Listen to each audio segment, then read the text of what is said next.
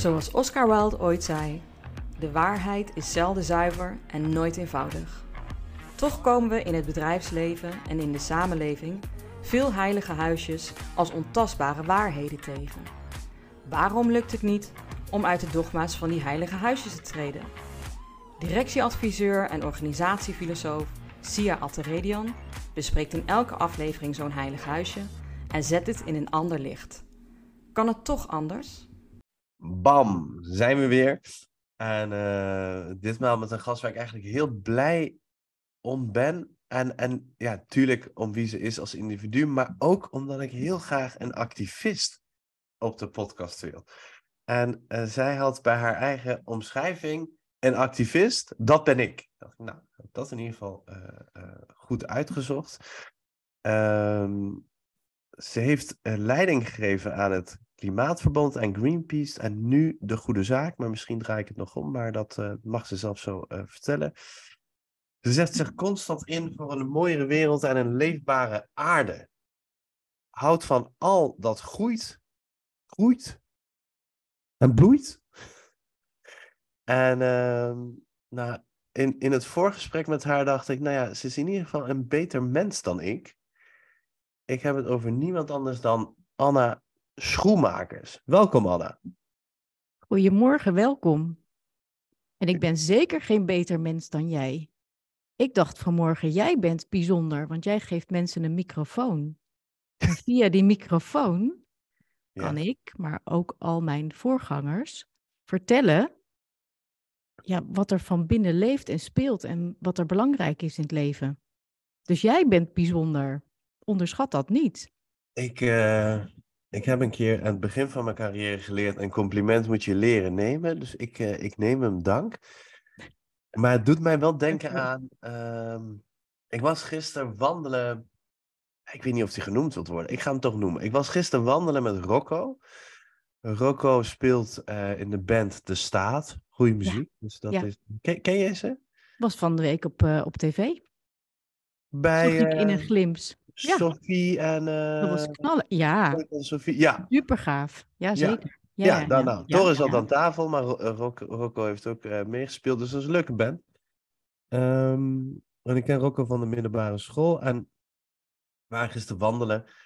En hadden we het erover dat hoe verbaasd we zijn over journalistieke vragen. En, en hebben we het eigenlijk over heel veel gehad, maar ook over. Eh, ik moest dan denken aan die persconferentie. En die bekeek ik over het algemeen met mijn moeder. Zeg maar. hè. Mhm. Dat, dat- ik, redelijk, zag niet heel veel mensen meer, maar ik ging daar dan heen. En dan, keek, en dan aten we denk ik ook samen. En dan keken we naar die persconferentie.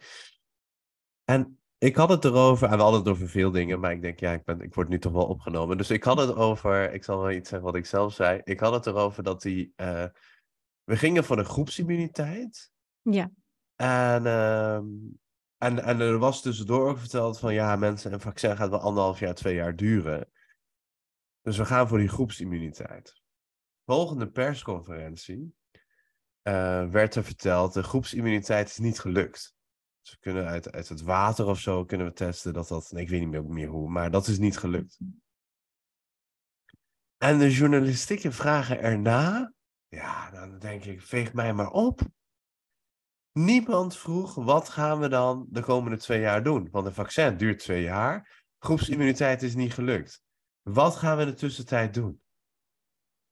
Het enige... actie voeren! nee, maar ik was echt serieus benieuwd gewoon eh, qua logica. Of daar zitten gewoon de beste vraagstellers van Nederland. Ja. En dan kwamen we vragen van, we moeten binnen zitten. Maar wat is binnen?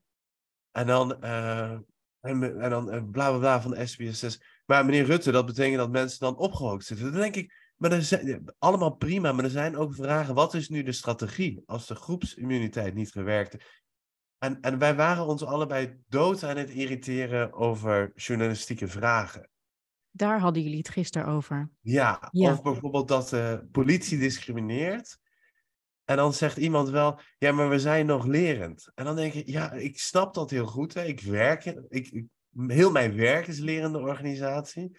Maar voor degene die, discrimi- die gediscrimineerd is, die of op straat om hulp vraagt, vra- verwacht je dat de politie er al is. Ja.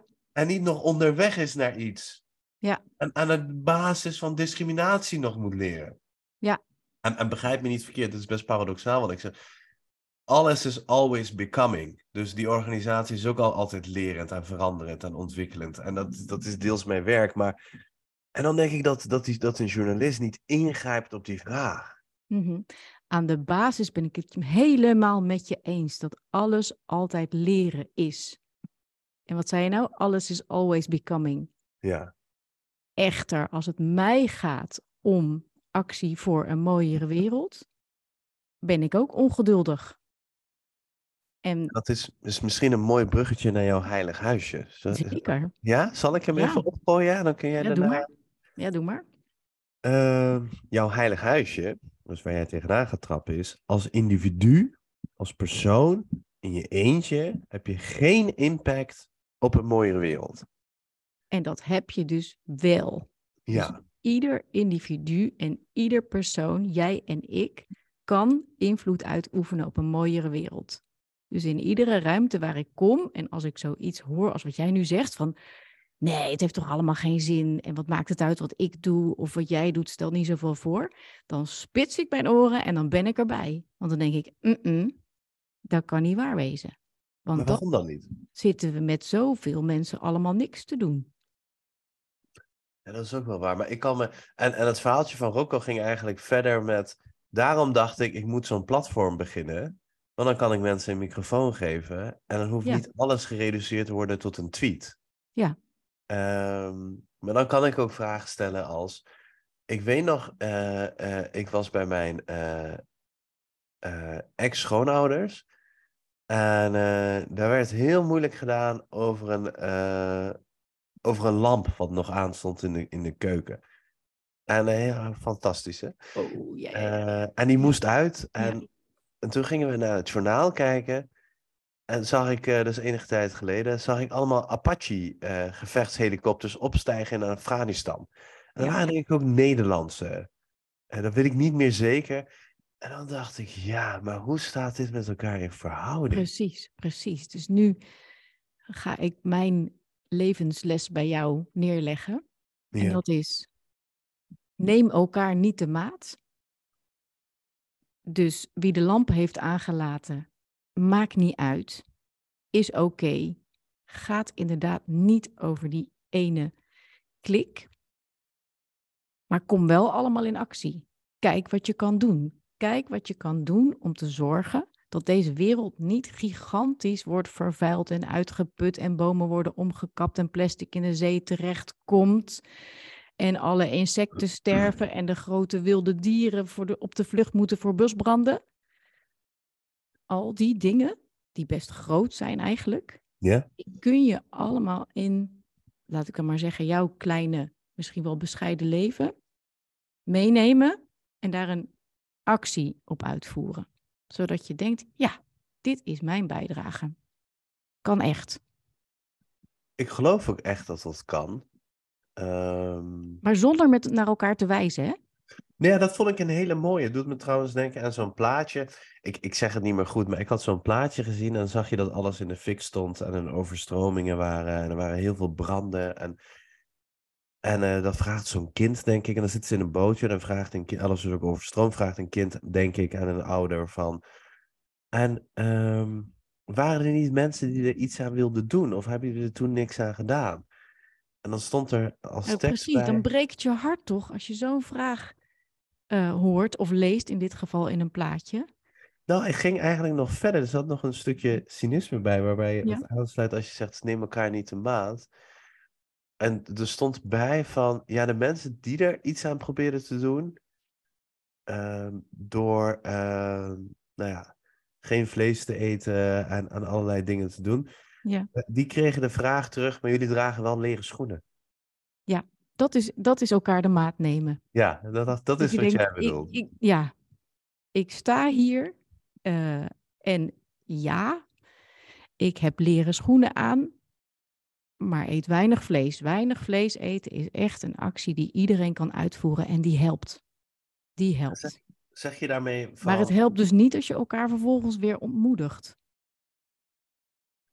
Ja, want waar, waar ik heel erg aan moet denken is. ehm, kijk, eh, zeg je dan doe wat je kan of zo? Is dat wat je aan het zeggen bent? Ja, doe wat je kan en meer. wat is dan meer? Ja, precies. Dus doe wat je kan en meer. Daarmee bedoel ik, daag jezelf uit. Laat je stem horen. Kijk, niet een dag geen vlees eten, dat kun je bijna nog doen in alle bescheidenheid, in alle stilte of in een kleine, klein verband thuis, met wie dan ook. Maar als je je stem laat horen via sociale media, via een ingezonden stuk in de krant, via je eigen blog of je website of eh, eh, door eh, te gaan demonstreren bij een klimaatdemonstratie en gewoon flink roepen en scanderen wat je wil, hè? What do we want climate justice? When do we want it now? Dat is al een, ja, een stukje gedurfder en gewaagder. Maar doe dat. Dat is mijn uitnodiging aan iedereen. Ik, Dus ga je, ik vind het zo, ik vind het zo sympathiek ja? dat, ik, dat ik gewoon de neiging heb om vooralsnog een beetje met je mee te gaan. Maar weet even, ik, Ja, eh, hè? maar ook te glimlachen, denken, ah, wat is ze toch lief.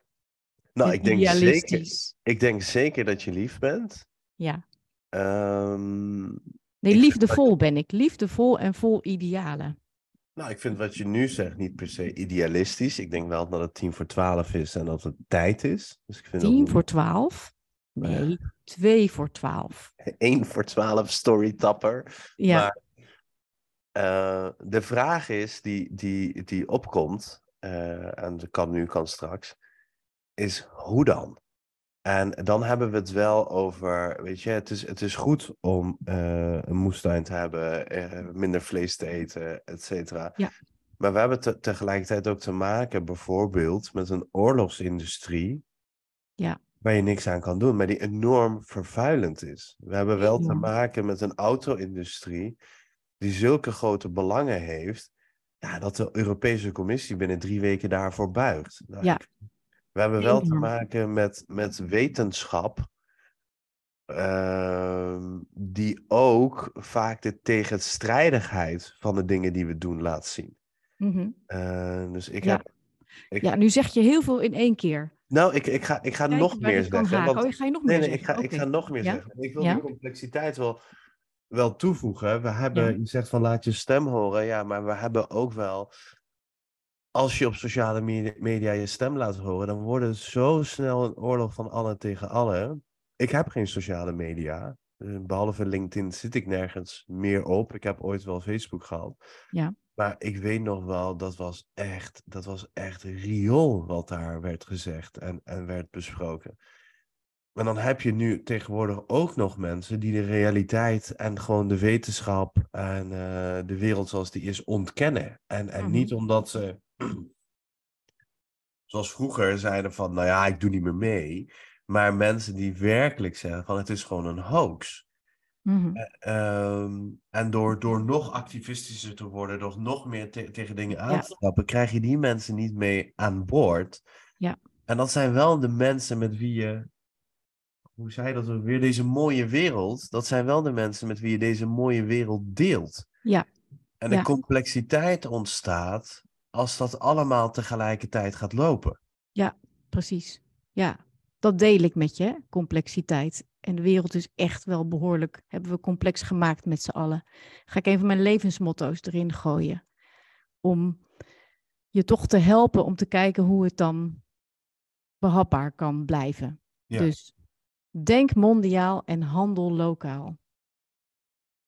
Dus beschouw die grote wereld.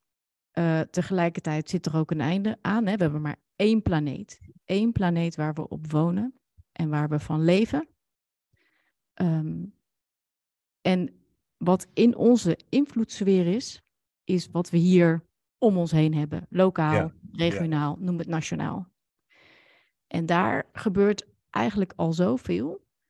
ehm, waar je als je als je wil, hè, maar ik ga ervan uit dat de meeste mensen echt wel een mooie wereld om zich heen willen, invloed op kan uitoefenen. Dus ik zei net, je stem laten horen, maar je kunt ook stemmen. Dus let op op welke eh, politieke partij je stemt lokaal, nationaal, Europees. Pak Zeker die partijen uit die gaan voor een groene, vreedzame wereld. En dan heb je ook zit de nationale, regionale en globale Ja. invloed. Ja hoor, en dan natuurlijk heb- weet ik dat ik nu een heel debat te pakken heb.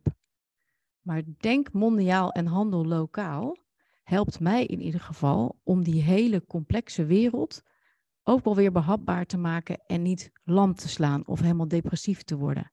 Want het gaat gewoon niet goed. Er zijn klimaatrampen gaande en een grote biodiversiteitscrisis. En die kan ik eh, niet in één dag oplossen, zou ik wel willen. En die kunnen wij niet in één dag oplossen, zou ik ook wel willen maar wel in delen en wel op eh, de korte termijn die nodig is. En dan wil ik even opkomen voor de wetenschap. Eh, niemand vraagt aan de wetenschap om eh, vandaag de klimaatcrisis of de biodiversiteitscrisis op te lossen, maar wel om ons de goede inzichten te geven. En de klimaatwetenschap is een goed georganiseerde kwaliteit, hoogwaardige groep wetenschappers die echt laat zien hoe het nu met de wereld en met onze planeet staat. Absoluut. Maar dat was ook absoluut niet wat ik in twijfel trok. Wat ik wel, eh, de complexiteit die ik wel wil toevoegen is. ehm, ik heb ook economie gestudeerd en het ging op een gegeven moment over. eh, en, en zo zijn er duizenden onderzoeken, maar even deze heb ik het meeste scherp. Ja. Het ging over, want je had het over een mooiere wereld. En ik had eerst gezegd mooier milieu of beter milieu. Toen zei nee, mooiere wereld. Dus mooiere wereld is ook hoe we met elkaar omgaan. Ja. En eh, er was gekeken hoe we eh, nou ja, misschien wel ook beter geproduceerde chocola, cacao, zoiets was het, koffie. En eh, ja, door dat, door dat in, in Afrika te organiseren. Dus hoe kon je organisaties ontwikkelen die dat beter deden? Betere Ja. arbeidsomstandigheden, betere Ja. regels voor het milieu, ga zo maar door. Ja. Vervolgens was het gevolg daarvan desastreus op die economie. Mhm. Want je had ergens een, eh, iets gecreëerd waar iedereen bij wilde. Dat kon niet. Dus je had ergens een elite gecreëerd die daar konden werken. Maar daardoor werden de arbeidsomstandigheden van de rest van. Nou ja, dat bedoel ik met de complexiteit die de wetenschap inbrengt. Want ja, moet je nou. ehm, moet je nou je boodschappen, moet je dan nou eh, bij de boer kopen? Ja, maar als je het bij de boer koopt en ze komen het brengen en je komt het niet halen, dan is het door het vrachtverkeer. Ja. Dus het is ook zo moeilijk om te kiezen wat je moet doen. Oh man, ja, als je dit ook weer zo zegt, denk ik, ja, dat is zo. We worden natuurlijk ook wel, als je allerlei berichten volgt, dan krijg je inderdaad veel tegenstrijdigheden op je af. Ja, ik heb een keer. Jij woont in Amsterdam, hè? Ja. Ja, Heb dit ik daar is- ook tegenstrijdigheden in Amsterdam? Nou, ehm, Ja. waarom ik vroeg, jij woont in Amsterdam, ergens had ik dat moeten weten, eh, omdat ik je mijn microfoon heb opgestuurd. Maar ik dacht ook wel, dit klinkt wel als iemand die een goede jeugd heeft gehad, in Amsterdam woont, financieel geen zorgen heeft. En dan eh, is de wereld ook overzichtelijk. Dan denk je van, ja, waarom, waarom redden we die planeet niet? Terwijl ik kan me ook heel goed voorstellen dat er ook eh, mensen in de bijstand zitten. Mhm. En, en puntje bij paaltje zullen zij ook denken: ik wil een planeet waarin, waarin mijn kleinkinderen kunnen ademen. Daar is niemand Ja. op tegen. Nee. Maar de eerste reactie is: rot toch op met dat linkse gelul. Mhm. Eh, hij kan al 40 jaar niet naar judo. En Mhm. hij is. Dit is letterlijk een quote uit Ja, ja. toen ze in Ter Apel waren. Ja. Eh, en, en ze helemaal afgaven op die asielzoekers. En, Ja. en ze ook met troep naar die mensen hadden gegooid. En ik zat ernaar te kijken. Ik dacht, wat is hier toch gaande? Ik vind het werkelijk walgelijk. Ja. Toen zei ze, er is geen geld dat hij naar judo kan. En hij was een jongetje van acht. Ja. Dus ja, en zitten... dat is op dat moment het allerbelangrijkste. En Ja, dat ik. Ja. ja. En dan... Ja. En dan, en dan ging het ging wel over, die, over de asielzoekers, maar hij kan niet naar judo. En dan denk ik, ja, hij kan niet naar judo. Ja. Een, een, eh, een pakje frikandel met eh 40, 20 frikandellen erin. Dat kostte vroeger 3 euro bij de Aldi. En fruit Mhm. gewoon.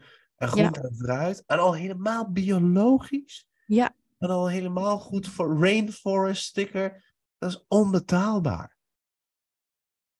Dus dit lijkt ook een beetje het verhaal voor de 3%er die het helemaal Mhm. goed voor elkaar heeft en, en meer wil doen. En, en ik, ik, ik ben atheïst, maar ik heb wel Ja. de neiging, God bless you for that. Maar het, het is ook zo, weet je, dat, dit is niet iedereen's verhaal. En weet je wat ik nu voel? Nou, Dan val ik ook even stil van binnen. En, Want en natuurlijk heb je gelijk. En ik ben ook nog eens eh, gezegend met drie kinderen, dus ik kom vaak op een basisschool. Ehm, een plek waar, nou, in ieder geval in mijn geval, een heel ja, mooi beeld van de samenleving bij elkaar komt. Ja. En daar waar is die basisschool? allemaal. Mag ik dat vragen? Ja hoor, die is in Amsterdam-Noord in Tuindorp Oostzaan. Ja. Ja. Ik ken Amsterdam redelijk. Heb vroeger gewoond. Ja. Dus voor mijn beeld was dat, was dat leuk om te weten dat dat in Oké, Amsterdam ja, in het noordwesten van Amsterdam. Ja. Yes. Ehm, en omdat ouders een bijdrage mogen leveren aan de klas, ehm, ben ik daar met regelmaat geweest en heb ik met de kinderen gesprekken gevoerd over wat is dan een mooiere wereld. Ja. Getekend, PowerPoint-presentaties gemaakt, een groot plastic monster gebouwd, daarmee actie gevoerd met de kinderen voor het hoofdkantoor van Unilever in Rotterdam. Oh, leuk. Daar gaan ze allemaal vol voor. Omdat ze toch zien samen, maar hé, hey, wacht even. Wij houden is toch iets intrinsieks in de mens. Wil ik echt wel geloven dat dat gelijk is voor iedereen. Wij houden van natuur. En wij houden van eh, dieren, grote en kleine dieren. Iedereen heeft zo zijn favoriet. Eh, de een houdt van een giraf, de ander een tijger, de volgende van een poeskonijn. Eh, maar er zijn ook kinderen die lieve heersbeestjes alleen al bijzonder vinden als die ergens op het schoolplein landen. Dus dat vasthoudend, denk ik, ja, ehm, iedereen heeft een, een jeugd en een achtergrond.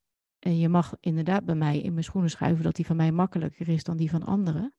Maar deze gelijkwaardige basis Ja. wil ik ook vasthouden. En Zeker. ik val ook echt wel stil hoor. Als je, eh, er is veel eh, ongelijkheid eh, en onrechtvaardigheid. En dat moet allemaal mee eigenlijk in ja, mijn missie voor een groenere en vreedzame planeet. Zonder dat het weer zo zwaar wordt dat je, op, dat je geen enkele stap kan zetten op, eh, op geen enkele dag. Dus vandaar mijn oproep van mensen, doe mee. Doe, ja, zeker. Maar wat je, wat je zegt is, is ook iets universeels wat we in ons hebben. Dus ik vraag me af of er iemand is die je meeneemt naar een waterval of ehm, een mooie eh, zonsopgang. En zeggen van, ja, dat lijkt me niks. Dus ik denk, ik denk dat dat iets universeels is wat, we, wat we in ons delen. Rocca en ik keken gisteren ook tijdens onze wandeling naar allerlei wilde koeien en stieren, ja, of paarden. Ik weet, ik weet ook niet. Waar was je? Waar was je? Want ik In Nijmegen. In Nijmegen? ja, bij, tussen Nijmegen en Lent. Bij Spiegelwaal kun je daar... Mhm. Dus je hebt de Mhm. Waal. En Ja. om, om de Waal te controleren is er een soort van parallelle Waal gemaakt. Ja, Dat heet dan de Spiegelwaal. En daartussenin heb je ook gewoon wat natuurgebieden met, met eh, loslopende eh, dieren. ja, prachtig.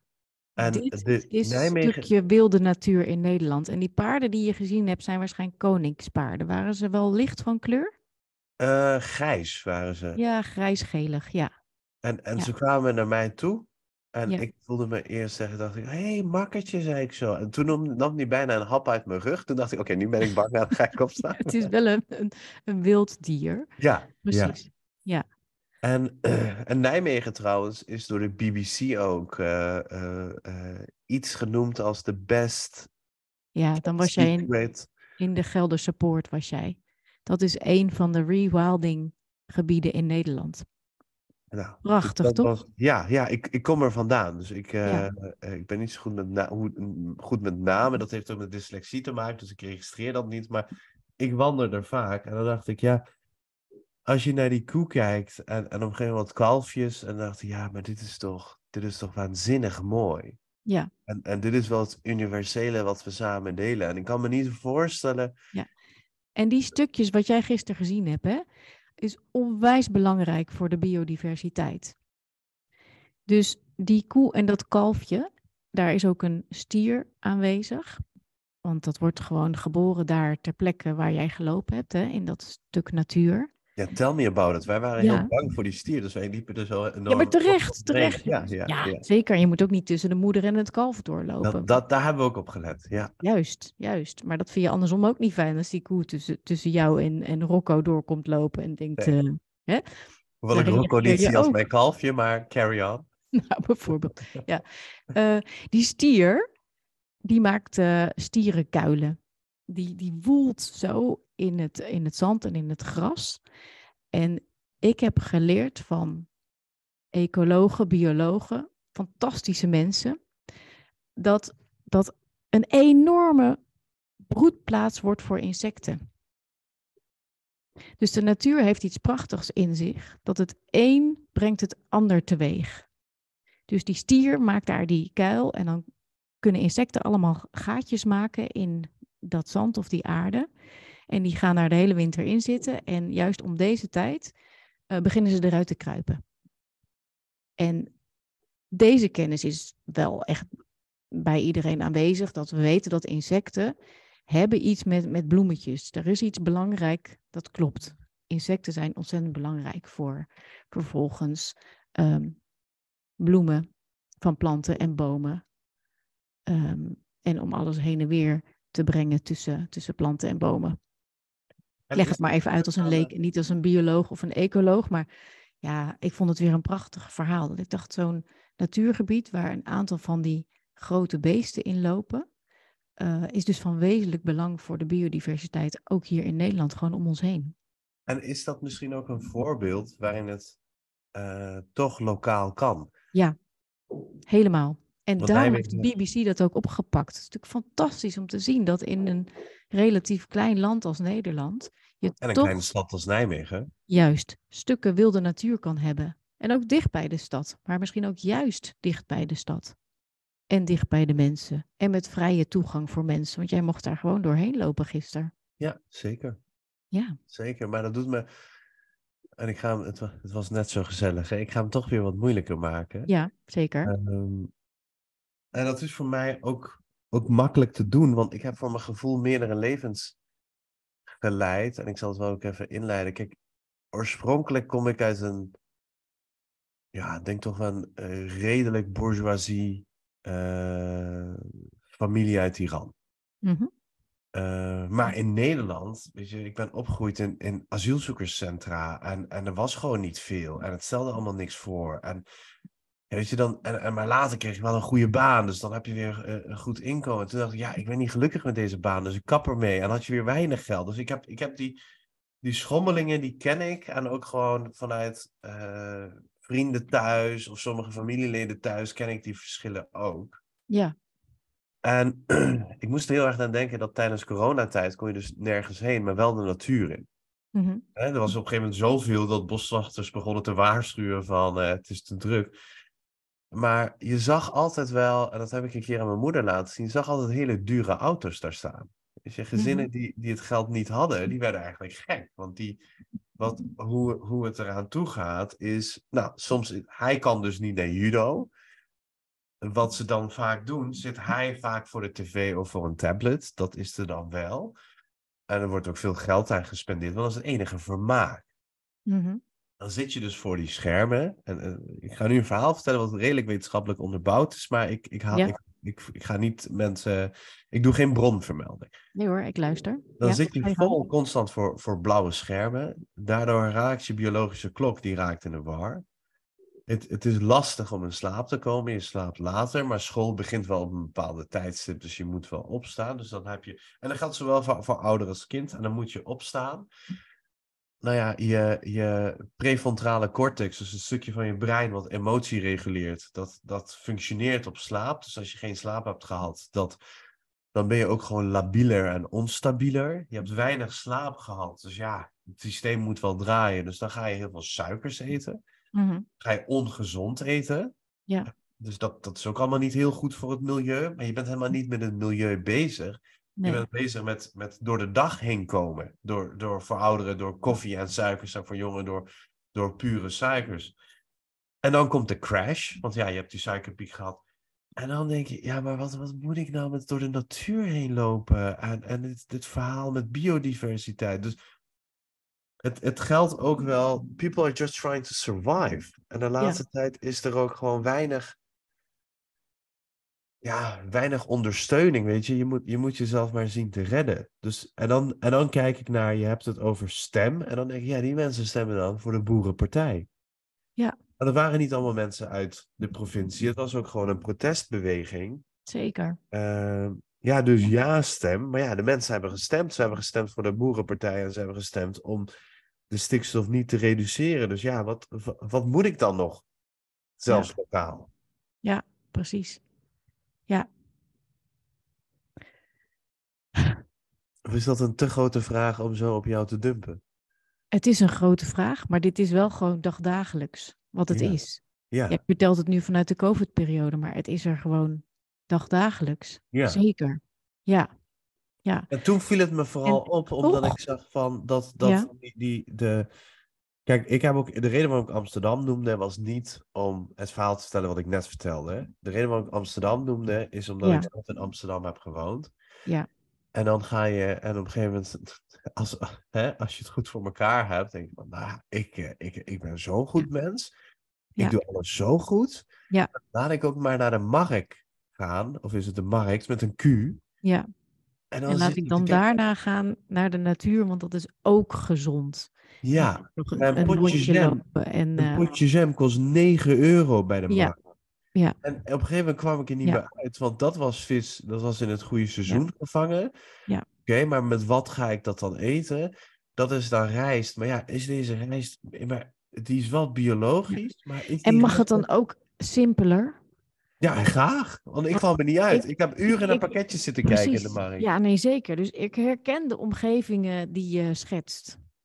En toch denk ik, ik, ik doe het gewoon veel eenvoudiger. Nou, doe eens. Ja. Dus bij school of in de buurt, in heel Nederland staat ergens wel een boom of er is een plantsoentje. En als je dan denkt, joh, eh, ik weet het even niet. En de spiraal naar beneden van beeld en suiker en nog meer beeldscherm en suiker en slecht sapen, et cetera.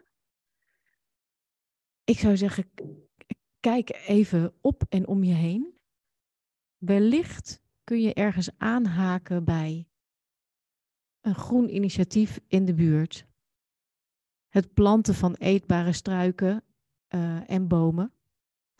Op het schoolplein, bij het schoolplein, in je geveltuintje op je balkon. Dat geeft voldoening. En een heleboel eh, mensen hebben ergens vanuit Nederland of vanuit een ver land waar jij vandaan komt, wel een soort referentie of een herinnering met iets van je eigen fruit of je eigen groente. Of opa en oma die dat hadden. Of vader en moeder. Of jezelf.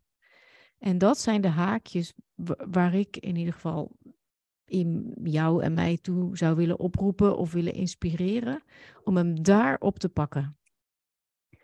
Ehm, zo heb ik in mijn voortuin inderdaad allemaal, heel klein voortuintje, het stelt bijna niks voor, maar toch, daar staat een randje met eh eh, bessenstruiken.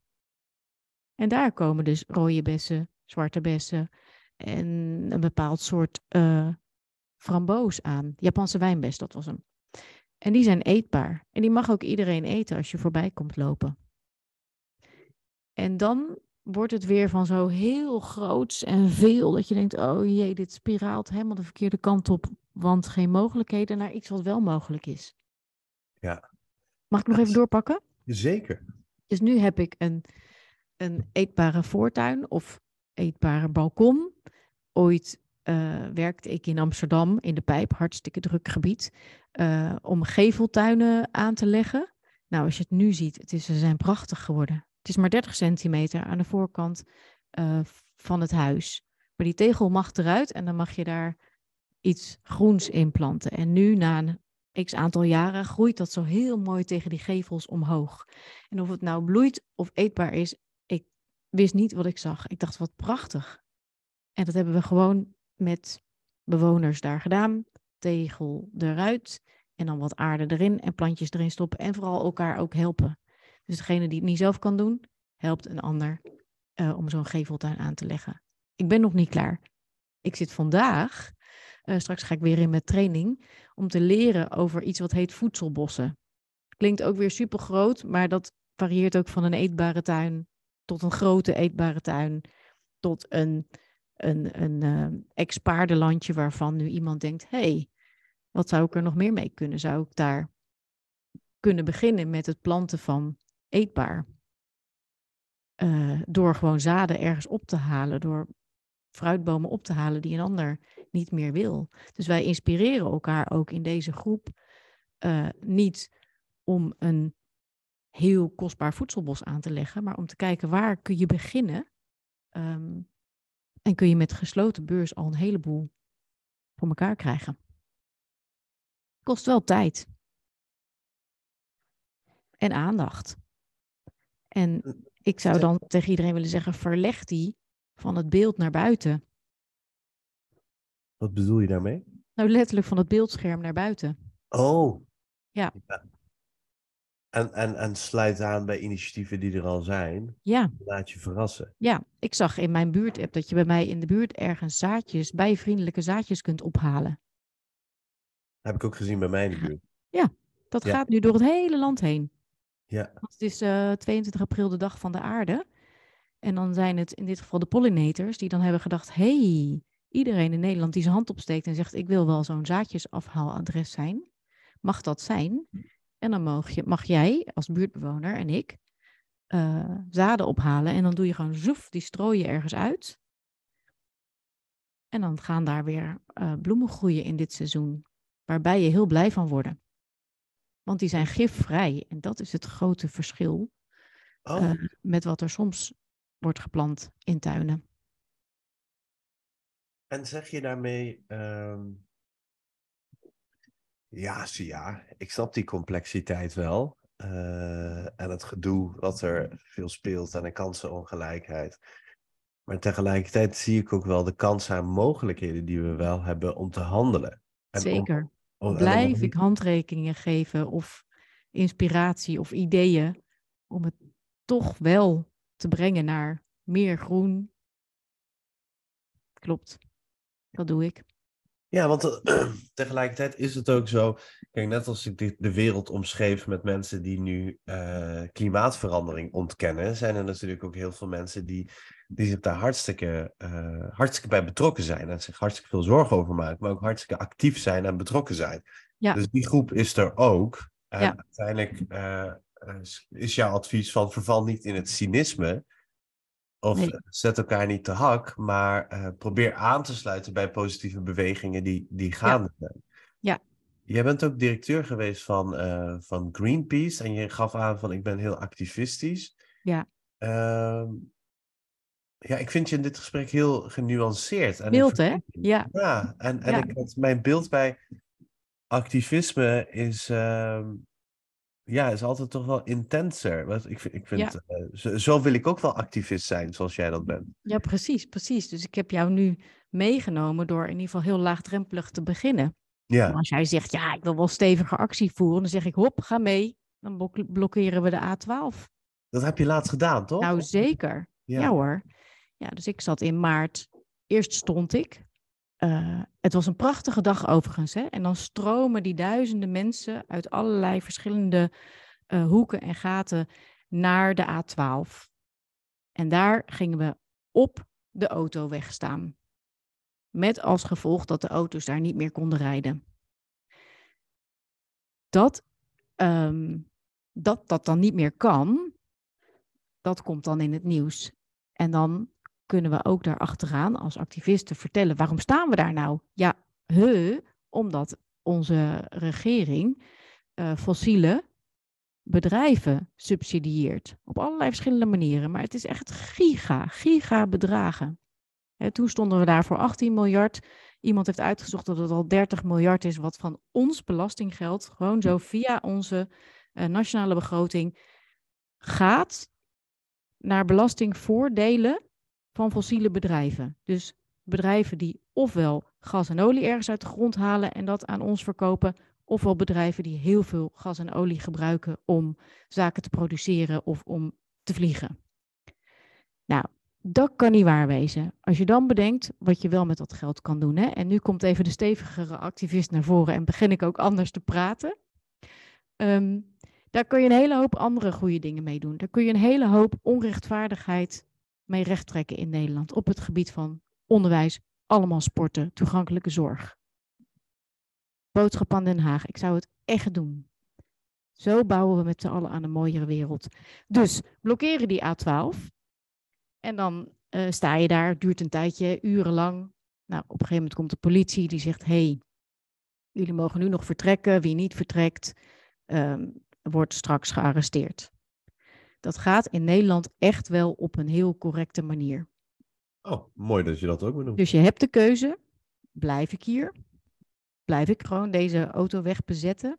Of denk ik, weet je, puntgemaat, boodschap out there in de media, uh, Haagse politiek een, uh, onder druk gezet. Ik ga naar huis.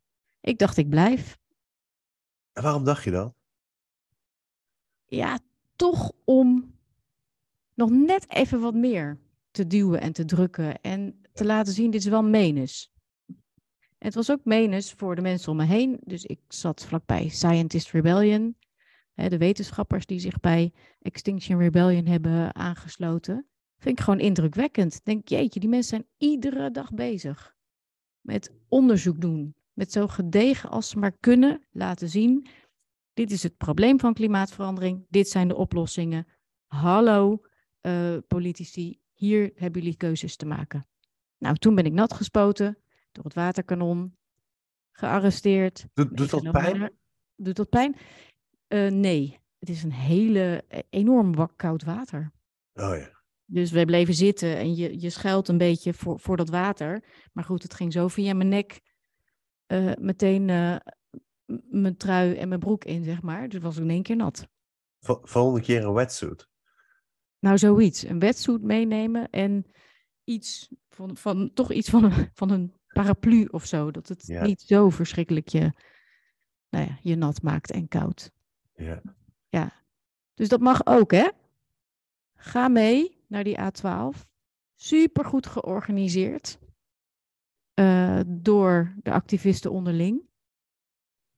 Hele goede groep mensen. Dus ik wil alleen maar oproepen: doen om die druk op die Haagse politici zo hoog mogelijk op te laten lopen. Zij kunnen namelijk besluiten nemen en wetten maken, waardoor bedrijven anders moeten gaan handelen.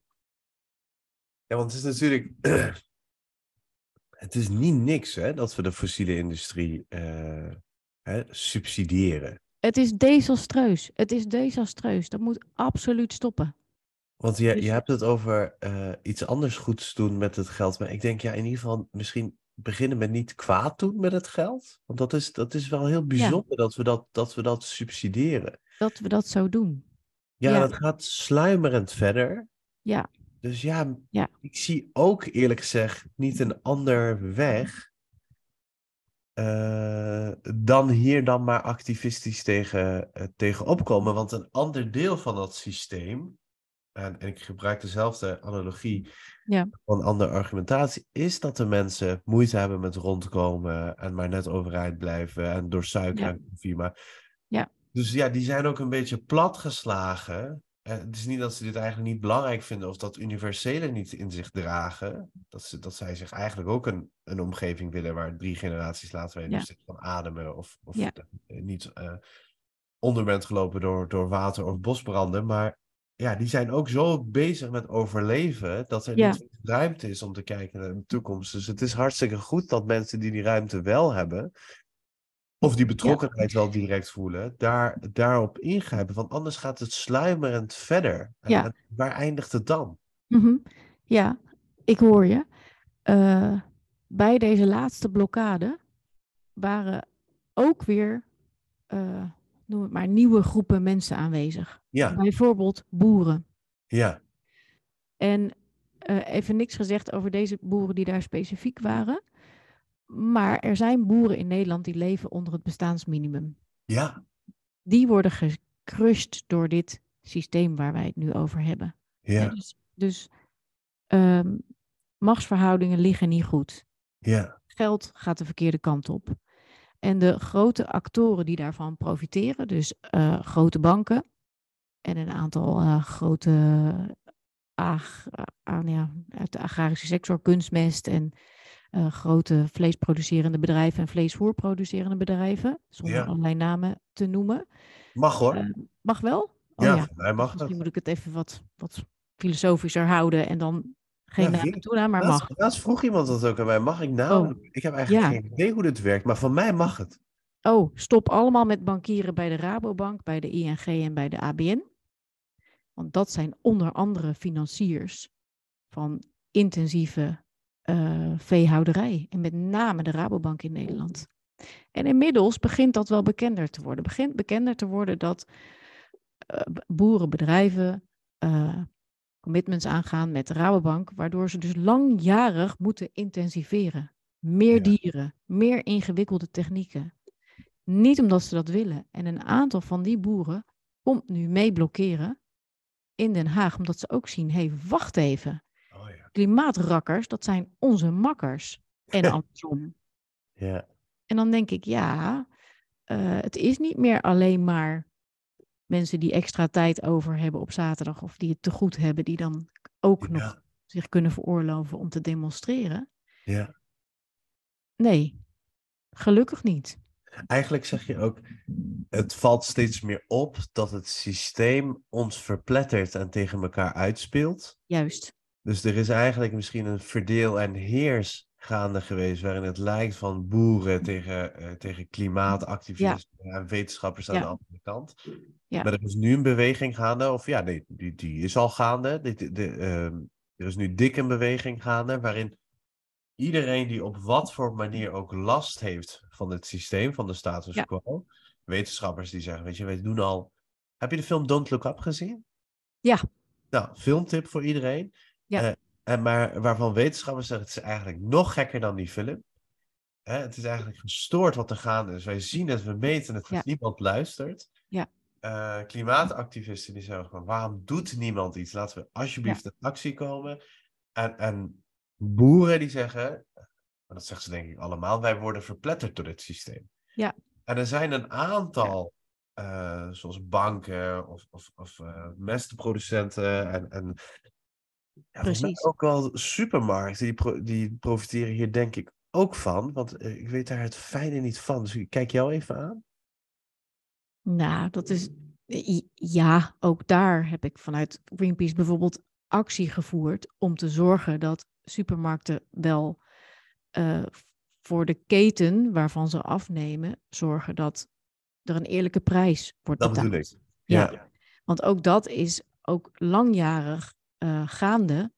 En vinden heel veel mensen helemaal niet normaal. Is dat we zo weinig betalen voor onze eigen landbouwproducten. Ja, en de marge Dat die bij de boer terechtkomt versus de marge die bij de supermarkt terechtkomt, daar zitten toch ook grote verschillen in? Nee, precies. Dus eh, jij ging net een dilemma beginnen van moet ik dan bij de boer kopen of waar moet je nou nog kopen? Ja, Ja, ik zou zeggen als je lokaal kan, kan kopen bij een boer in de buurt, doe dat. maar dan moet ik het wel zelf gaan ophalen. Maar als we dat allemaal samen met de auto doen, dan is Nee, het... dan moet je gaan fietsen. Oké, fietsend naar de lokale boer. Ja, Ja, Ja, dan ga je fietsend naar de lokale boer. Nou ja, ehm, of een pakket van een lokale boer. En waar ik me dan in verdiep, en ik ben echt geen eh, held in de keuken, Ja. maar er zijn eh, knollen uit de Nederlandse grond waar je heerlijke gerechten mee kan maken. ja, De knolselderij, tip, knolselderij. top. Die, eh, Nederlandse ik- mooie knol vol met vitamine, stukjes hakken in de pan doen, lekkere soep van maken. Die heb ik eh, op, opgeschreven als tip. Ik vind het wel mooi om even terug te grijpen naar dat Is systeem. ook prijsbewust. Die, eh, naar dat systeem die mensen uit elkaar drijft. eh, en waar, waar, waarvan jij nu zegt van ja, het is best inzichtelijk aan het worden dat ze eigenlijk aan dezelfde kant staan. Ja. Alleen er zijn een aantal grote spelers Ja. die Ja. hiervan En profiteren. die mogen we echt hard op hun kop timmeren. Ja, Dus dat nu eh, FNV en Milieudefensie bij aandeelhoudersvergaderingen van Ahold Delhaize, eh, over supermarkten gesproken, maar ook straks fossielvrij bij ING over een bank gesproken en daarna weer bij een luchtvaartmaatschappij op de stoep staan en die aandeelhoudersvergaderingen verstoren. Maar dan lees ik verstoren op een goede manier, namelijk lekker een ander geluid laten horen, je stem laten horen op een aandeelhoudersvergadering, zodat de, zowel de aandeelhouders als de bestuurders van die bedrijven ook gewoon op het moment de druk gaan voelen van wacht even, wij zijn ook spelers in dit systeem eh, en misschien moeten we eens even andere besluiten gaan nemen. En misschien moet ik dat wat ik eigenlijk voor, de, voor mijn kleinkinderen zou willen als toekomst, want vaak zijn het toch wat oudere types met, met een nou ja, ander wereldbeeld, zou ik maar zeggen. Maar wel met kleinkinderen die ook een toekomst willen, uh, dat ze dat gaan samenvoegen. Dus dat je dan gaat handelen zoals je voor jezelf en nou ja, voor jouw geliefde zou handelen, dat je dat ook doorvoert in je professionele leven en in je professionele verantwoordelijkheid. Omdat je gewoon mensen ziet die het gewoon tegen je zeggen. Ja, of dus van je eisen, of tegen je schreeuwen, of met een spandoek voor je neus houden. En dat is nodig, want anders. Ja, en dan kan je even niet meer naar een ander wijzen. Precies. Want dat systemische is in Nederland ook, is we wijzen gewoon steeds maar weer naar de ander. Hè, het bedrijfsleven wijst naar de politiek, de politiek wijst naar de burger, de burger weer naar het bedrijfsleven. En daar kom je niet uit. Als je blijft wijzen. Maar als je gewoon het recht voor je neus, dus in your face krijgt. Uh, dus jij in die rol als CEO of aandeelhouder, ja. jij moet nu handelen. Jij moet nu handelen. Jij moet nu gewoon de ruimte pakken en zeggen: Oké, stop. Doet mij denken aan een, uh, er is, uh, hoe heet de betaalde Unie van Nederland? Weet jij dat toevallig? Ik ben het even vergeten. Wacht, ik ga het even opzoeken. Ik weet het niet, doet mij denken aan dat ook studenten nu universiteiten beginnen te bevragen van door wie wordt ons onderzoek eigenlijk betaald? Oh ja, maar dat vind ik een hele terechte. Zitten hier de fossiele bedrijven achter of kunnen we gewoon A, onafhankelijk onderzoek doen, B, samenwerken met uh, innovatieve uh, ondernemers of ondernemingen die milieuvriendelijke, CO2-vriendelijke toepassingen in de wereld willen brengen. Ja, maar dat krijg je dus door het neoliberale denken, door de economische rationaliteit. Zolang je betaalt, zolang er geld is, maakt het niet meer uit. En dat is heel lang goed gegaan, tot het op een gegeven moment echt slecht ging. Tot je zag van, ja, er zijn Chinese uh, overheidsorganen die Chinese onderzoekers subsidiëren. En dan, en dan langzaam begin je te denken, ja, misschien is dat neoliberale denken waarin het alleen draait om de economische rationaliteit. Uh... Nee, laten we alsjeblieft doorontwikkelen naar een nieuw denken waarin je echt de balans tussen mens en natuur herstelt. En waarin, je, waarin wij allemaal denken, oh, wij zijn het leven. Wij, wij zijn de natuur. En dat je het niet afzet tegen, maar dat dat één denken wordt. En als je daar arriveert, um, dan ga je het ook ineens heel gek vinden dat we de aarde uitputten. En van gek naar onbestaanbaar. En dan ga je ook echt, nou zoals ik, uh, je leven inzetten om dat te voorkomen. Ik vind het heel leuk dat je dat laatste zegt. En je bent de eerste die het zegt. En er zijn wel eens eerder mensen geweest die het dan over nieuwe economen, economische denken hadden, of, of modellen of milieu. En het zat allemaal in het oude mm economische paradigma, waarin je natuur als een variabele meeneemt. En ik vind het heel leuk dat je zegt van ja, het is eigenlijk niet een object-subject relatie. Uh, het, het gaat om het, ja... Wij zijn het leven. Zijn, ja. ja. Ja, hele mooie. we zouden ons nu moeten gaan beseffen dat wij als mensen, zeg maar, meer massa hebben gemaakt in de vorm van stenen en staal en ander uh, niet-natuurlijk materiaal, dan dat we nog hebben aan biomassa die bestaat uit uh, bomen en ander plantmateriaal. Maar, okay, waar je wel van kan leven en wat zich voortdurend zelf vernieuwt. Kijk, de universiteit die ik zocht is, is Nijrode. Het is misschien ook helemaal niet van okay. Nijrode. Maar ze hadden een, uh, een, een, theatervoorstelling, zo heb ik het in ieder geval gehoord.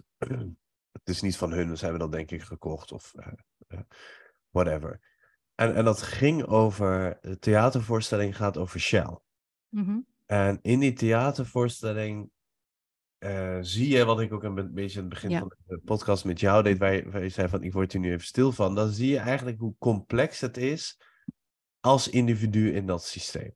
Ja. En ik ken ook een aantal nou, slimme en betrokken mensen die zeiden, ja, don't blame the player, blame the system. Hè? Dat is wat dat hele theater doet, laat zien van, ja, als ik het niet goed doe voor de aandeelhouders als CEO van Shell, word ik ook aangeklaagd. Dus ja, ik heb wel wat te doen. En tegelijkertijd maak ik me ook enorm zorgen om het milieu en wil ik op mijn saxofoon spelen. Dus ja. uh, En eigenlijk hoor ik jou zeggen van, hou daarmee op. En, en als individu ben je verantwoordelijk. Of, of wij gaan je wel wijzen op je verantwoordelijkheid. Is dat wat Mhm. je aan het zeggen bent? Ja. Ja. Maar wat, wat Dit moet Shell CEO... Dit Kijk, er, moet er moet daar iemand zitten. Hè? Ik ga er niet zitten, jij gaat er ook niet zitten. Maar er, zit, er is een CEO van Shell. Ja. Daarvan verwachten de aandeelhouders winst. Zij maken en verdienen geld met het boren en verkopen van olie in allerlei soorten vormen. Ja. Moet je dan... Mm. Kijk, aan ontslag nemen is ook niet... Ja, dat is... Theoretisch kan dat niet, want er komt een nieuw poppetje voor terug. Nou, in mijn allerbeste scenario zegt die CEO van, weet je wat? Wij houden er gewoon mee op. Maar dat kan niet. Dan, dan gaat hij... klaar. En wij hebben maatschappelijk gezien geen enkele toegevoegde waarde meer, want wij verstoren eh, maatschappelijke orders ver weg in, eh, eh, op de wereld en we vervuilen de hele wereld. Maar gaat die CEO dan niet de gevangenis in? Zo, dit is een lastig statement. Kijk, gevoelsmatig vind ik het onacceptabel. Nee, ik hoor je, maar ik zeg, daar zit nou eenmaal een poppetje. Dus gevoelsmatig moet zo iemand van mij de gevangenis in. Maar Ah, nou spreek ik als, als, als toen ik eh, jong was, zeg maar. Een kind op de basisschool, waarin je heel makkelijk zegt van... eh, dat is, heb je niet goed gedaan en nu moet je straf en je moet de gevangenis in. ja, als dat is je denk dat ik, is je jeetje. Wat zegt je logos? Wat moet Ja, wat- Dus je pathos zegt, ik, we gaan ze alle drie Ja. af. Logos, pathos, Ja. ethos.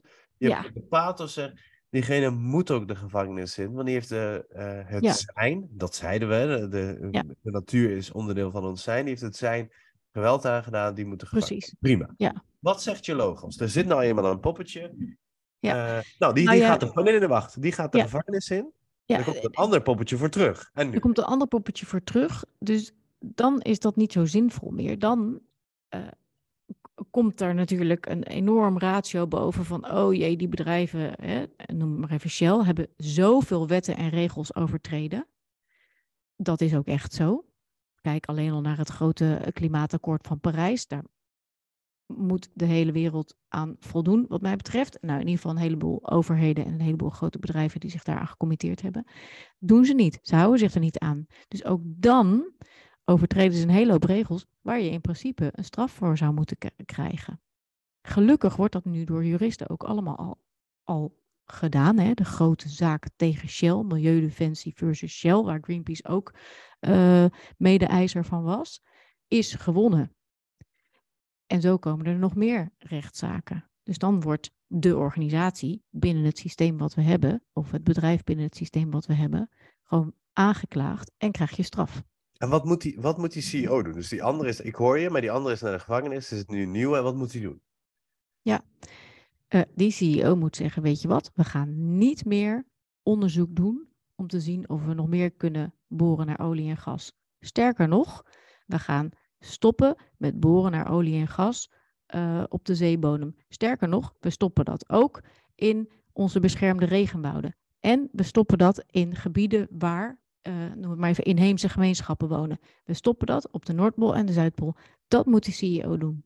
En dan, En wordt zijn business vreselijk veel kleiner. Ja, En dat is goed. En dan maar zegt wat vertelt hij? Nee, jij- bent nu die je CEO. Wat? wat? vertelt hij aan die, aan die aandeelhouders? Ja, die moet zeggen, u, u bent jarenlang aandeelhouder van mij geweest. Dank u wel. Let op, dit is mijn afbouwstrategie. Zoekt u uw heil ergens. Of, wat ik ook denk ik zomaar eens denk, eh, dat er genoeg geld verdiend is. En dat je, dat, dat helemaal niet meer nodig is. Joh. Ik, een keer, ja, hier, op dit zo'n punt word ik dan soms wel eens een beetje moe. Dan denk ik, genoeg is genoeg. En geld kan je niet opeten. eh, niet inademen en niet doorslikken. Eh, schoon water, schone lucht en schone voeding wel.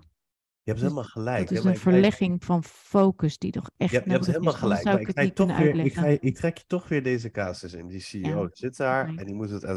Je hebt gelijk, hè? Maar die aandeelhouders, dat is niet een eh, onsterfelijke aandeelhouder die genoeg geld verdiend heeft. Dat is een aandeelhouder die tien jaar geleden Mhm. 20 is geworden en die zat op de Rotterdam School of Finance en die dacht ik koop aandelen en die heeft er nog Ja. niet voldoende aan verdiend. Ja. En ik vind het allemaal een beetje onzin. Dus die, die Shell CEO zit daar en die zegt iets van, nou ja, we gaan een beetje, eh, we gaan niet meer op gevoelige plekken boren, et cetera. Ja. We gaan een beetje afbouwen. Ja. Eh, maar ja, dat, dat, dat hele bestaansrecht van hem en van die organisatie is ergens ook wel geld verdienen voor die aandeelhouders. En, en dan wil ik niet alleen in het Anglo-Amerikaanse model zitten, maar zelfs in het Rijnhoutse model, waar je ook kijkt naar je omgeving, et cetera, en, niet alleen je shareholders, maar je stakeholders, moet je alsnog wel iets doen voor die aandeelhouders. Wat, wat zeg je dan tegen die aandeelhouder? We gaan onze vervuilende uh, bedrijfstak afbouwen. Klinkt misschien naïef, maar ik geloof er geen. A, het is geen toekomstbestendige weg om door te gaan hoe het nu is. B, ik geloof er geen hout van als ze Shell nog een keer belooft dat ze gaan uh, hè, duurzamer uh, innovaties de wereld in gaan zetten. Zijn ze gewoon niet goed in, moeten ze niet doen, geloven ze misschien zelf ook niet in. Het is gewoon klaar. Ja. Gewoon en zou het wat zijn... en weg met die mensen. En zou het misschien ook een strategie zijn, want wat Shell echt jarenlang heeft gedaan, die, die volgens mij, jij, jij weet dat beter dan ik, maar in de jaren zestig wisten ze al Daarom. waar het heen ging. Ja. Uh, dus ze hebben 60 jaar een ander verhaal voorgehouden. Ja. Mogen ze nu verantwoordelijkheid voor nemen en verantwoording voor afleggen. Klaar. En, en als, we, als we ze wat minder uh, dat te klaar eraan toevoegen was mooi. Als, ja. als het, uh, ik, zit, ik zit dan te denken, hè, ik, ik vind het ook. Kijk, ik ga het nooit doen, maar stel je voor, ik zat in de schoenen van de CEO. Uh, dan zou ik niet denken van wij moeten nu allemaal. De beste, de beste exit-strategie is: wij moeten nu allemaal de gevangenis in en we moeten allemaal gestraft worden. Dus zou het ook kunnen dat je, dat je voor een Hail Mary gaat? Dat je denkt van erop of eronder. En zegt van wij gaan nu de leverancier worden van groene energie. Nou, dat is voor jou te laat. Ja, is te laat. Ja. En, en je ziet verwoede pogingen hier in Nederland. En het werkt niet. Keer op keer worden de, de reclames die Shell daarop maakt, hè, dus wij rijden CO2-neutraal, richting de reclamecodecommissie gebracht om eigenlijk aan te tonen van ja, weet je, ze roepen het hier wel, maar die claim slaat zo op weinig en op niks en op een mini-mini percentage van hun bedrijfsvoering dat ze dat niet eens mogen, uh, mogen gebruiken als reclameuiting. Nee, maar dat is, dat is weer onzinnige... zegt dan, dat klopt. Nee, maar ja, dat is onzinnige ja. window dressing. Ik heb het nu ja. erover. Okay, Stel je voor, ik ben de nieuwe CEO van Shell en ik zeg van, ik ga gewoon all out. Al het geld, ja, waarschijnlijk gaan de aandeelhouders dan binnen een week allemaal weg. Dus dat laat ook weer de complexiteit zien. Ja. Um, maar stel je voor, ik breng het goed. Ik, ik hou mensen binnenboord. Ik zeg geen gekke dingen. Maar ik zeg wel all out. Ik ga gewoon, weet je, ik heb uh, 80 miljard. Ik ga er gewoon voor. Weet je, dan, dan, dan maken we dat op en innovatie wat niet, uh, ja, wat, wat heel onzeker is. Maar ik ga niet een beetje, uh, een beetje window dressing doen en een beetje. Nee, ik ga volle bak. Zet ik een volle transitie bak. in. Ja, volle bak.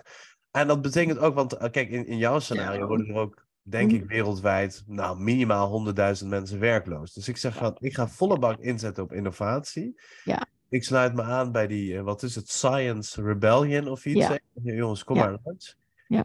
En uh, tegenwoordig is het ook makkelijker om talentvolle uh, medewerkers te vinden die gepassioneerd zijn ergens voor, dan dat je een salaris tegenaan gooit. Dus Mhm. dat is enorm veranderd. Ja.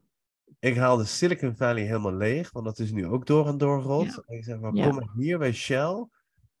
En dan eh, doe ik ook nog Green Shell voor. En we gaan volle bak, gaan we nu... eh, dat, dat zou ik een veel mooiere scenario vinden dan Ja, hij moet nu de gevangenis Ja, in. precies, precies. En als jij dan in die zaal zou zitten, jij zou makkelijker denken, nou, dit is gaaf, ik ga. Ik moet struggelen door al die jaren activisme heen. Ja. Mijn hoofd draait op volle toeren om dan uiteindelijk te komen tot, oké dan! Ah, dat gevoel. Ja, maar dat is ook, dat is ook terecht. Ja. Het is natuurlijk knettergek Mhm. wat we doen en hoe Ja. we leven. Ja, De wereld zoals die nu is, is wat mij betreft zeker niet de wereld die zou moeten zijn. nee. Het is echt knettergek. Het is knettergek. Eh, ik, ik heb de laatste tijd een beetje een buikje. Ik sportte vroeger altijd heel veel. Dus dat, het is knettergek dat ik een buikje heb en dat de kinderen in Afrika doodgaan van de honger. Ja. Dat is, dat is knettergek. Het is knettergek dat, Ja. dat in Amerika meer mensen overgewicht hebben dan mensen, zeg maar. En ik moest niet, niet daarom lachen hoor, maar eventjes om hoe je deze sprong nu weer, weer maakte. Dat ik dacht, hoe, hoe kom je van die... Dat we net, de, we hebben net het grote besluit gehoord van Shell. Die gaat helemaal voor, hè, voor groen en voor CO2-neutraal en geen fossiel meer. En dan kom jij bij jouzelf en jouw buikje. Ja, zal Daar ik moest ik even om eh, glimlachen. Nee, dat snap ik. Dat snap ik. En op Dat zich niet. hem. Ja. Kijk, eh, Mhm. het is een beetje eh, van Foucault, maar macht, Mhm. De gevestigde orde, Ja. de status quo, Ja. onze sociale constructies. Mhm.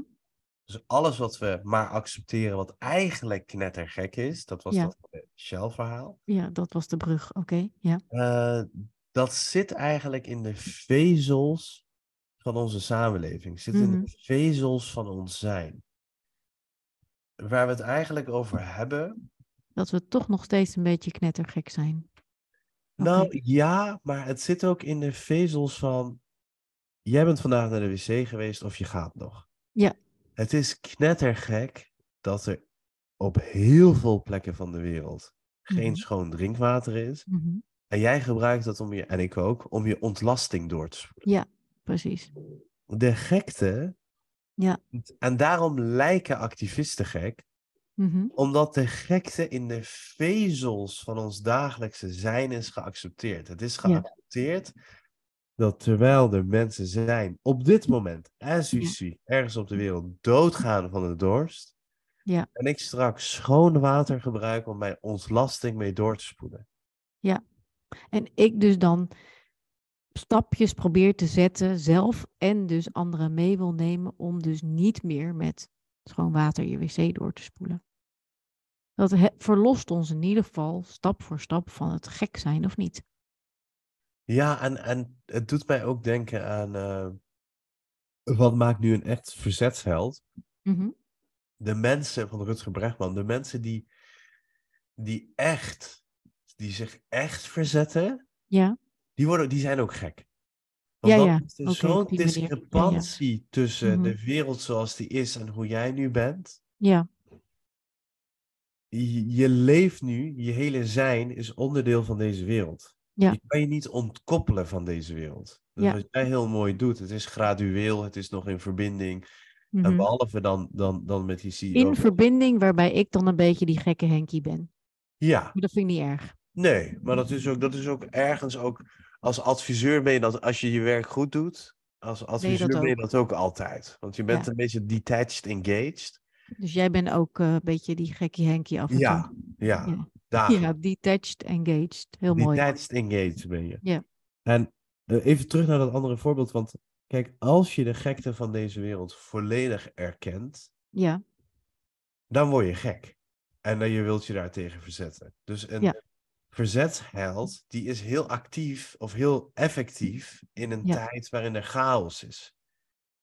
Maar wanneer iedereen weer in zijn dagelijks leven zus, ja.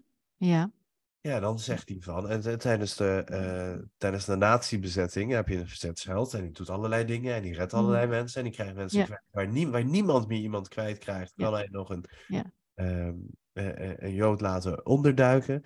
Maar vervolgens is die Tweede Wereldoorlog voorbij. En dan zegt hij: Godverdomme, wat zijn we nou doen in Nederlands-Indië? Nou, precies. En dan Dus- verhuist hij naar Zuid-Afrika. En zegt hij: Wat de Ja. fuck is dit nu met apartheid? En Mhm. uiteindelijk is dat een. Dit is een waar gebeurd verhaal. Is dat een geïsoleerde, lastige gek. die ook geen contact heeft met zijn dochters, met niemand niet. En niemand wil er meer iets mee te maken hebben. Dus wanneer je die gekte volledig Ja, erkent, dan sterf je terwijl je, eh, dan draai je door terwijl je huilend een, een paard aan het omhelzen bent. Dat is Ja. Dat is iemand die de volledige gekte wel zag. ja, Ergens moet je ook wel in verbinding blijven met de wereld die is, om te kunnen Zeker. bewegen naar de wereld die zou moeten zijn. En ik vind het dus een heel oprecht Eens. compliment. Ik vind dat jij dat heel mooi doet. complimenten moet je nemen, hè? Moet je leren nemen. Ja. moet je leren nemen. Oké, ik, ik neem hem, dankjewel. Maar jij wilde iets anders zeggen. Dat weet ik nu niet meer. Dat weet je niet meer. Nee, ik ben, ben nu Helemaal van je van me apropos. door het compliment. Dus ik Ja, weet het ja. niet meer. Nou ja, mijn, mijn vraag waar ik eh, mee eindig is een groot woord, want meestal blijf ik daarna nog een half uur doorblerren. Maar Mhm. de vraag waarmee ik graag mee, mee afsluit is eigenlijk ook waar jij mee begon. Maar ik vind het wel fijn als we het wat concreter kunnen maken in dit geval. Hoe kunnen we hierin het goede doen? In het hier en in het hier en nu. Het goede doen. Ja, Oké. Mm, Wees inderdaad een liefdevol en gepassioneerd mens die mag uitspreken: Ik hou van deze planeet, van de natuur en de mensen die er zijn. Maak die stapjes door minder vlees te eten, door spullen her te gebruiken, door eetbare planten te planten, je eigen voedselbos te starten. Voel je niet meteen een, een, een, een idealist, maar een mens met idealen. Neem anderen mee. Eh, laat je niet ontmoedigen, zeker niet depressief worden. Zeg een keer iets keihards over en tegen een CEO, waarvan je denkt, ja, dat is gewoon echt niet goed. Dat mag allemaal. zet, zet een ander niet te hak die iets goeds probeert te Ja, doen. zet de, de mensen om je heen niet de hak of neem ze niet de maat. Eh, dan raak je proberen verbinding kwijt, hè? Ja. Dus in verbinding met de mensen om je heen en samen tegen het systeem. En waar ben jij nu? Ik ben nu in Drenthe bij mijn training om te leren over voedselbossen. Heel En- praktisch. Superleuke groep mensen. In Drenthe. En hoe, hoe heet dat clubje of groepje als mensen zich willen inschrijven in Drenthe van eh, cursus Voedselbos? eh, Ja, kom bij de training Voedselbossen van de Vereniging Voedselbossen in Drenthe. Nou, de, de- naam is in ieder geval niet misleidend. Nee, Google kan hier wel wat mee. hier, Google komt op de juiste plek uit. Ja, heel goed. Anna, ik vind je, ehm, denk ik wel de ideale activist. Dat Want- ook nog. Ja, ik heb de neiging om, ehm, om me te Nou, zeg. irriteren aan activisten. Ja, ja. Want, en, en dit is een beetje eh, Heidegger, Simone de Beauvoir, Sartre, dus zeker niet Mhm. voor mij. Maar je hebt de wereld zoals die is. Mhm. Hè, dat noemen ze dan facticiteit. Eh, maar er zit ook zoveel historie in. Bijvoorbeeld een vrouw van 90 die nog negerzoen zegt. Je, je kan haar niet de tijdgeest ontnemen. Nee. Zij is in een bepaalde tijdgeest opgegroeid waarin dat gebeurde.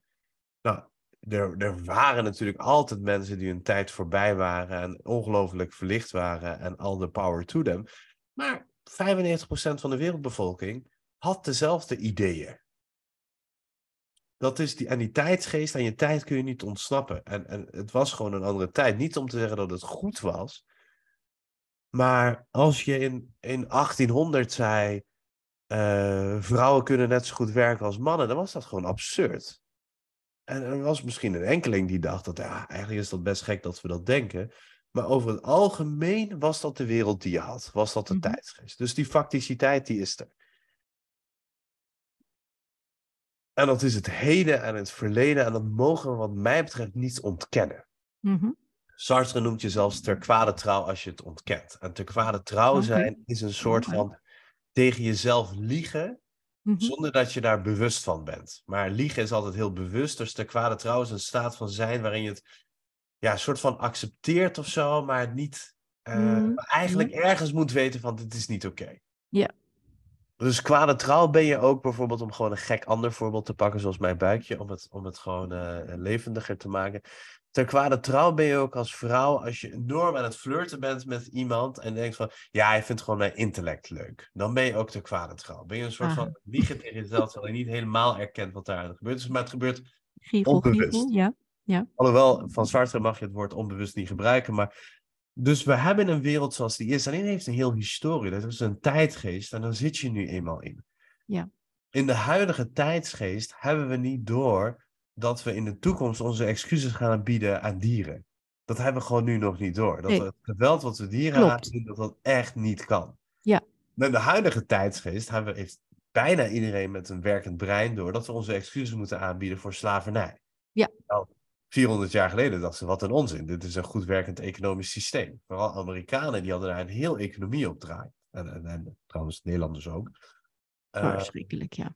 Mhm. eh, maar in die tijdsgeest was het, waar heb je het over? Mhm. Dus je kan een tijdgeest of het verleden niet ontkennen. En dat zit allemaal in het heden. Dus de wereld zoals die nu is, dat moeten we erkennen. Ja. Tegelijkertijd moeten we ook erkennen dat we kansen en mogelijkheden hebben Ja, de andere wereld. Dat Ja. we ook kansen en mogelijkheden hebben voor een transcendentie. Om dat systeem die is te ontstijgen, om de wereld die zou kunnen zijn te creëren helemaal. met de erkenning van die facticiteit, met de erkenning van die anker, misken ook niet dat je oneindig vrij bent om nu iets anders te doen. Precies. Om nu in beweging Iedere te dag weer kiezen. Precies. Niet iedere dag alleen maar kiezen. Je hebt iedere dag opnieuw, en dit is Hannah Arendt, je hebt iedere dag opnieuw een geboorte. Je hebt iedere seconde misschien wel opnieuw een geboorte. En di- de kans op die geboorte, eh, de, de mogelijkheden, de kansen en mogelijkheden, de wereld die we samen kunnen creëren, dat moet en dat is en dat zal zwaarder wegen dan de wereld die is. Ja. Dus je mag de wereld die is niet miskennen, maar je mag de wereld die ook kan zijn, ook niet miskennen. En die wereld die kan zijn, heeft altijd net niet veel en net zwaarder gewicht. Want anders mochten vrouwen Ja. nog steeds niet stemmen. Anders Precies. waren- Ja, zie je heel enthousiast bewegen. betoog. Ja, maar prachtig. Juist. Ja, ik dacht, hier begin ik natuurlijk niet mee. Dan heb je het heel makkelijk in de rest van het verhaal. Ja. Dus ik vind ook dat we de transcendentie, dus de kansen en mogelijkheden, het ontstijgen, dat weegt altijd zwaarder. Mhm. En de een ten opzichte van de ander miskennen, dan ben je ter. Ja. Maar dat, dat de kansen en mogelijkheden, dat de wereld die we kunnen creëren, dat dat net wat zwaarder weegt, ehm, dat kunnen we ook niet miskennen. anders was er nooit wat veranderd. Ik sluit me helemaal aan bij deze filosofische omschrijving eh, voor mijn innerlijke drive. Nou, Ik zou hartstikke het zelf goed. niet kunnen zeggen tegen je, maar je hebt het nu heel goed verwoord. Dankjewel. En ik vind ook wel, daar hoort ook een bepaalde verantwoordelijkheid bij. Dus ik zeg bij deze toe dat ik de, de volgende keer mee kom demonstreren. Yes, yes. Dat heb jij in je eentje voor elkaar gekregen. Met al die filosofen die je dan in je rugzak bij je hebt. Yes. Ja. Anna, wil je nog iets kwijt? Dankjewel voor dit gesprek. Jij bedankt.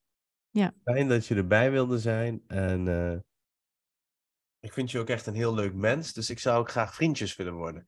Dat vind Gaan we ik, doen. eh, als ik in En Amsterdam ben. gelukkig ben je op LinkedIn. Dan hebben we daar in ieder geval een... Ja, en, en ik kijk gewoon verbaasd omdat we net ook geappt hebben en gebeld hebben. En, eh, Oh, dat hebben we ook. Dus we, hebben, we, we hebben, we hebben contact en eh, de, de volgende keer loop ik eh, in het bos naast je. Zoals Rocco naast jou. Oh, ja. ja en, een, en een hele leuke wetenschapper die, die, die er niet heeft gestaan, maar die, zal, die daar wil staan, is Klaas Landsman. En daar had ik ook een gesprek mee. En hij, hij is het compromis helemaal zat over dit soort Mm. zaken. Ja. En dat deed me ook denken aan, die, aan, de, aan de filmtip, hè, Don't Look Up. Is op een gegeven moment, de, de meteoriet komt op de aarde af. Ik bedoel, we ontploffen waarschijnlijk allemaal binnen 48 uur. En het is nu heel chic geworden in het postmodernisme. Of bij mensen die een cursus hebben gevolgd bij, bij de Baak of zo. Om te zeggen, ja, ik, ik hoor je. Eh, ja, maar ik hoor beide kanten. Er komt een meteoriet op ons af, ja, maar je kan ook gewoon naar beneden kijken en doorleven. En doen alsof die. Ik word zo moe van team compassie, terwijl er sommige dingen zijn die, waarvan je denkt van ja, nu, nu geldt het meer voor team tegenspraak. Of nu hoor je Mhm. echt, het is zo erg, nu is het iets voor team activisme. Ja. Dus dat gemaakte verlichting word ik ook heel moe van. Dus ik was heel blij om een keer met iemand, eh, eh, nou, hoewel je heel erg in verbinding was, maar ook met iemand die met een meer activistische mindset te praat. Alright, zullen we het bij deze houden? Goed. Dank dat je er was. Ik heb genoten. Ciao. Ciao.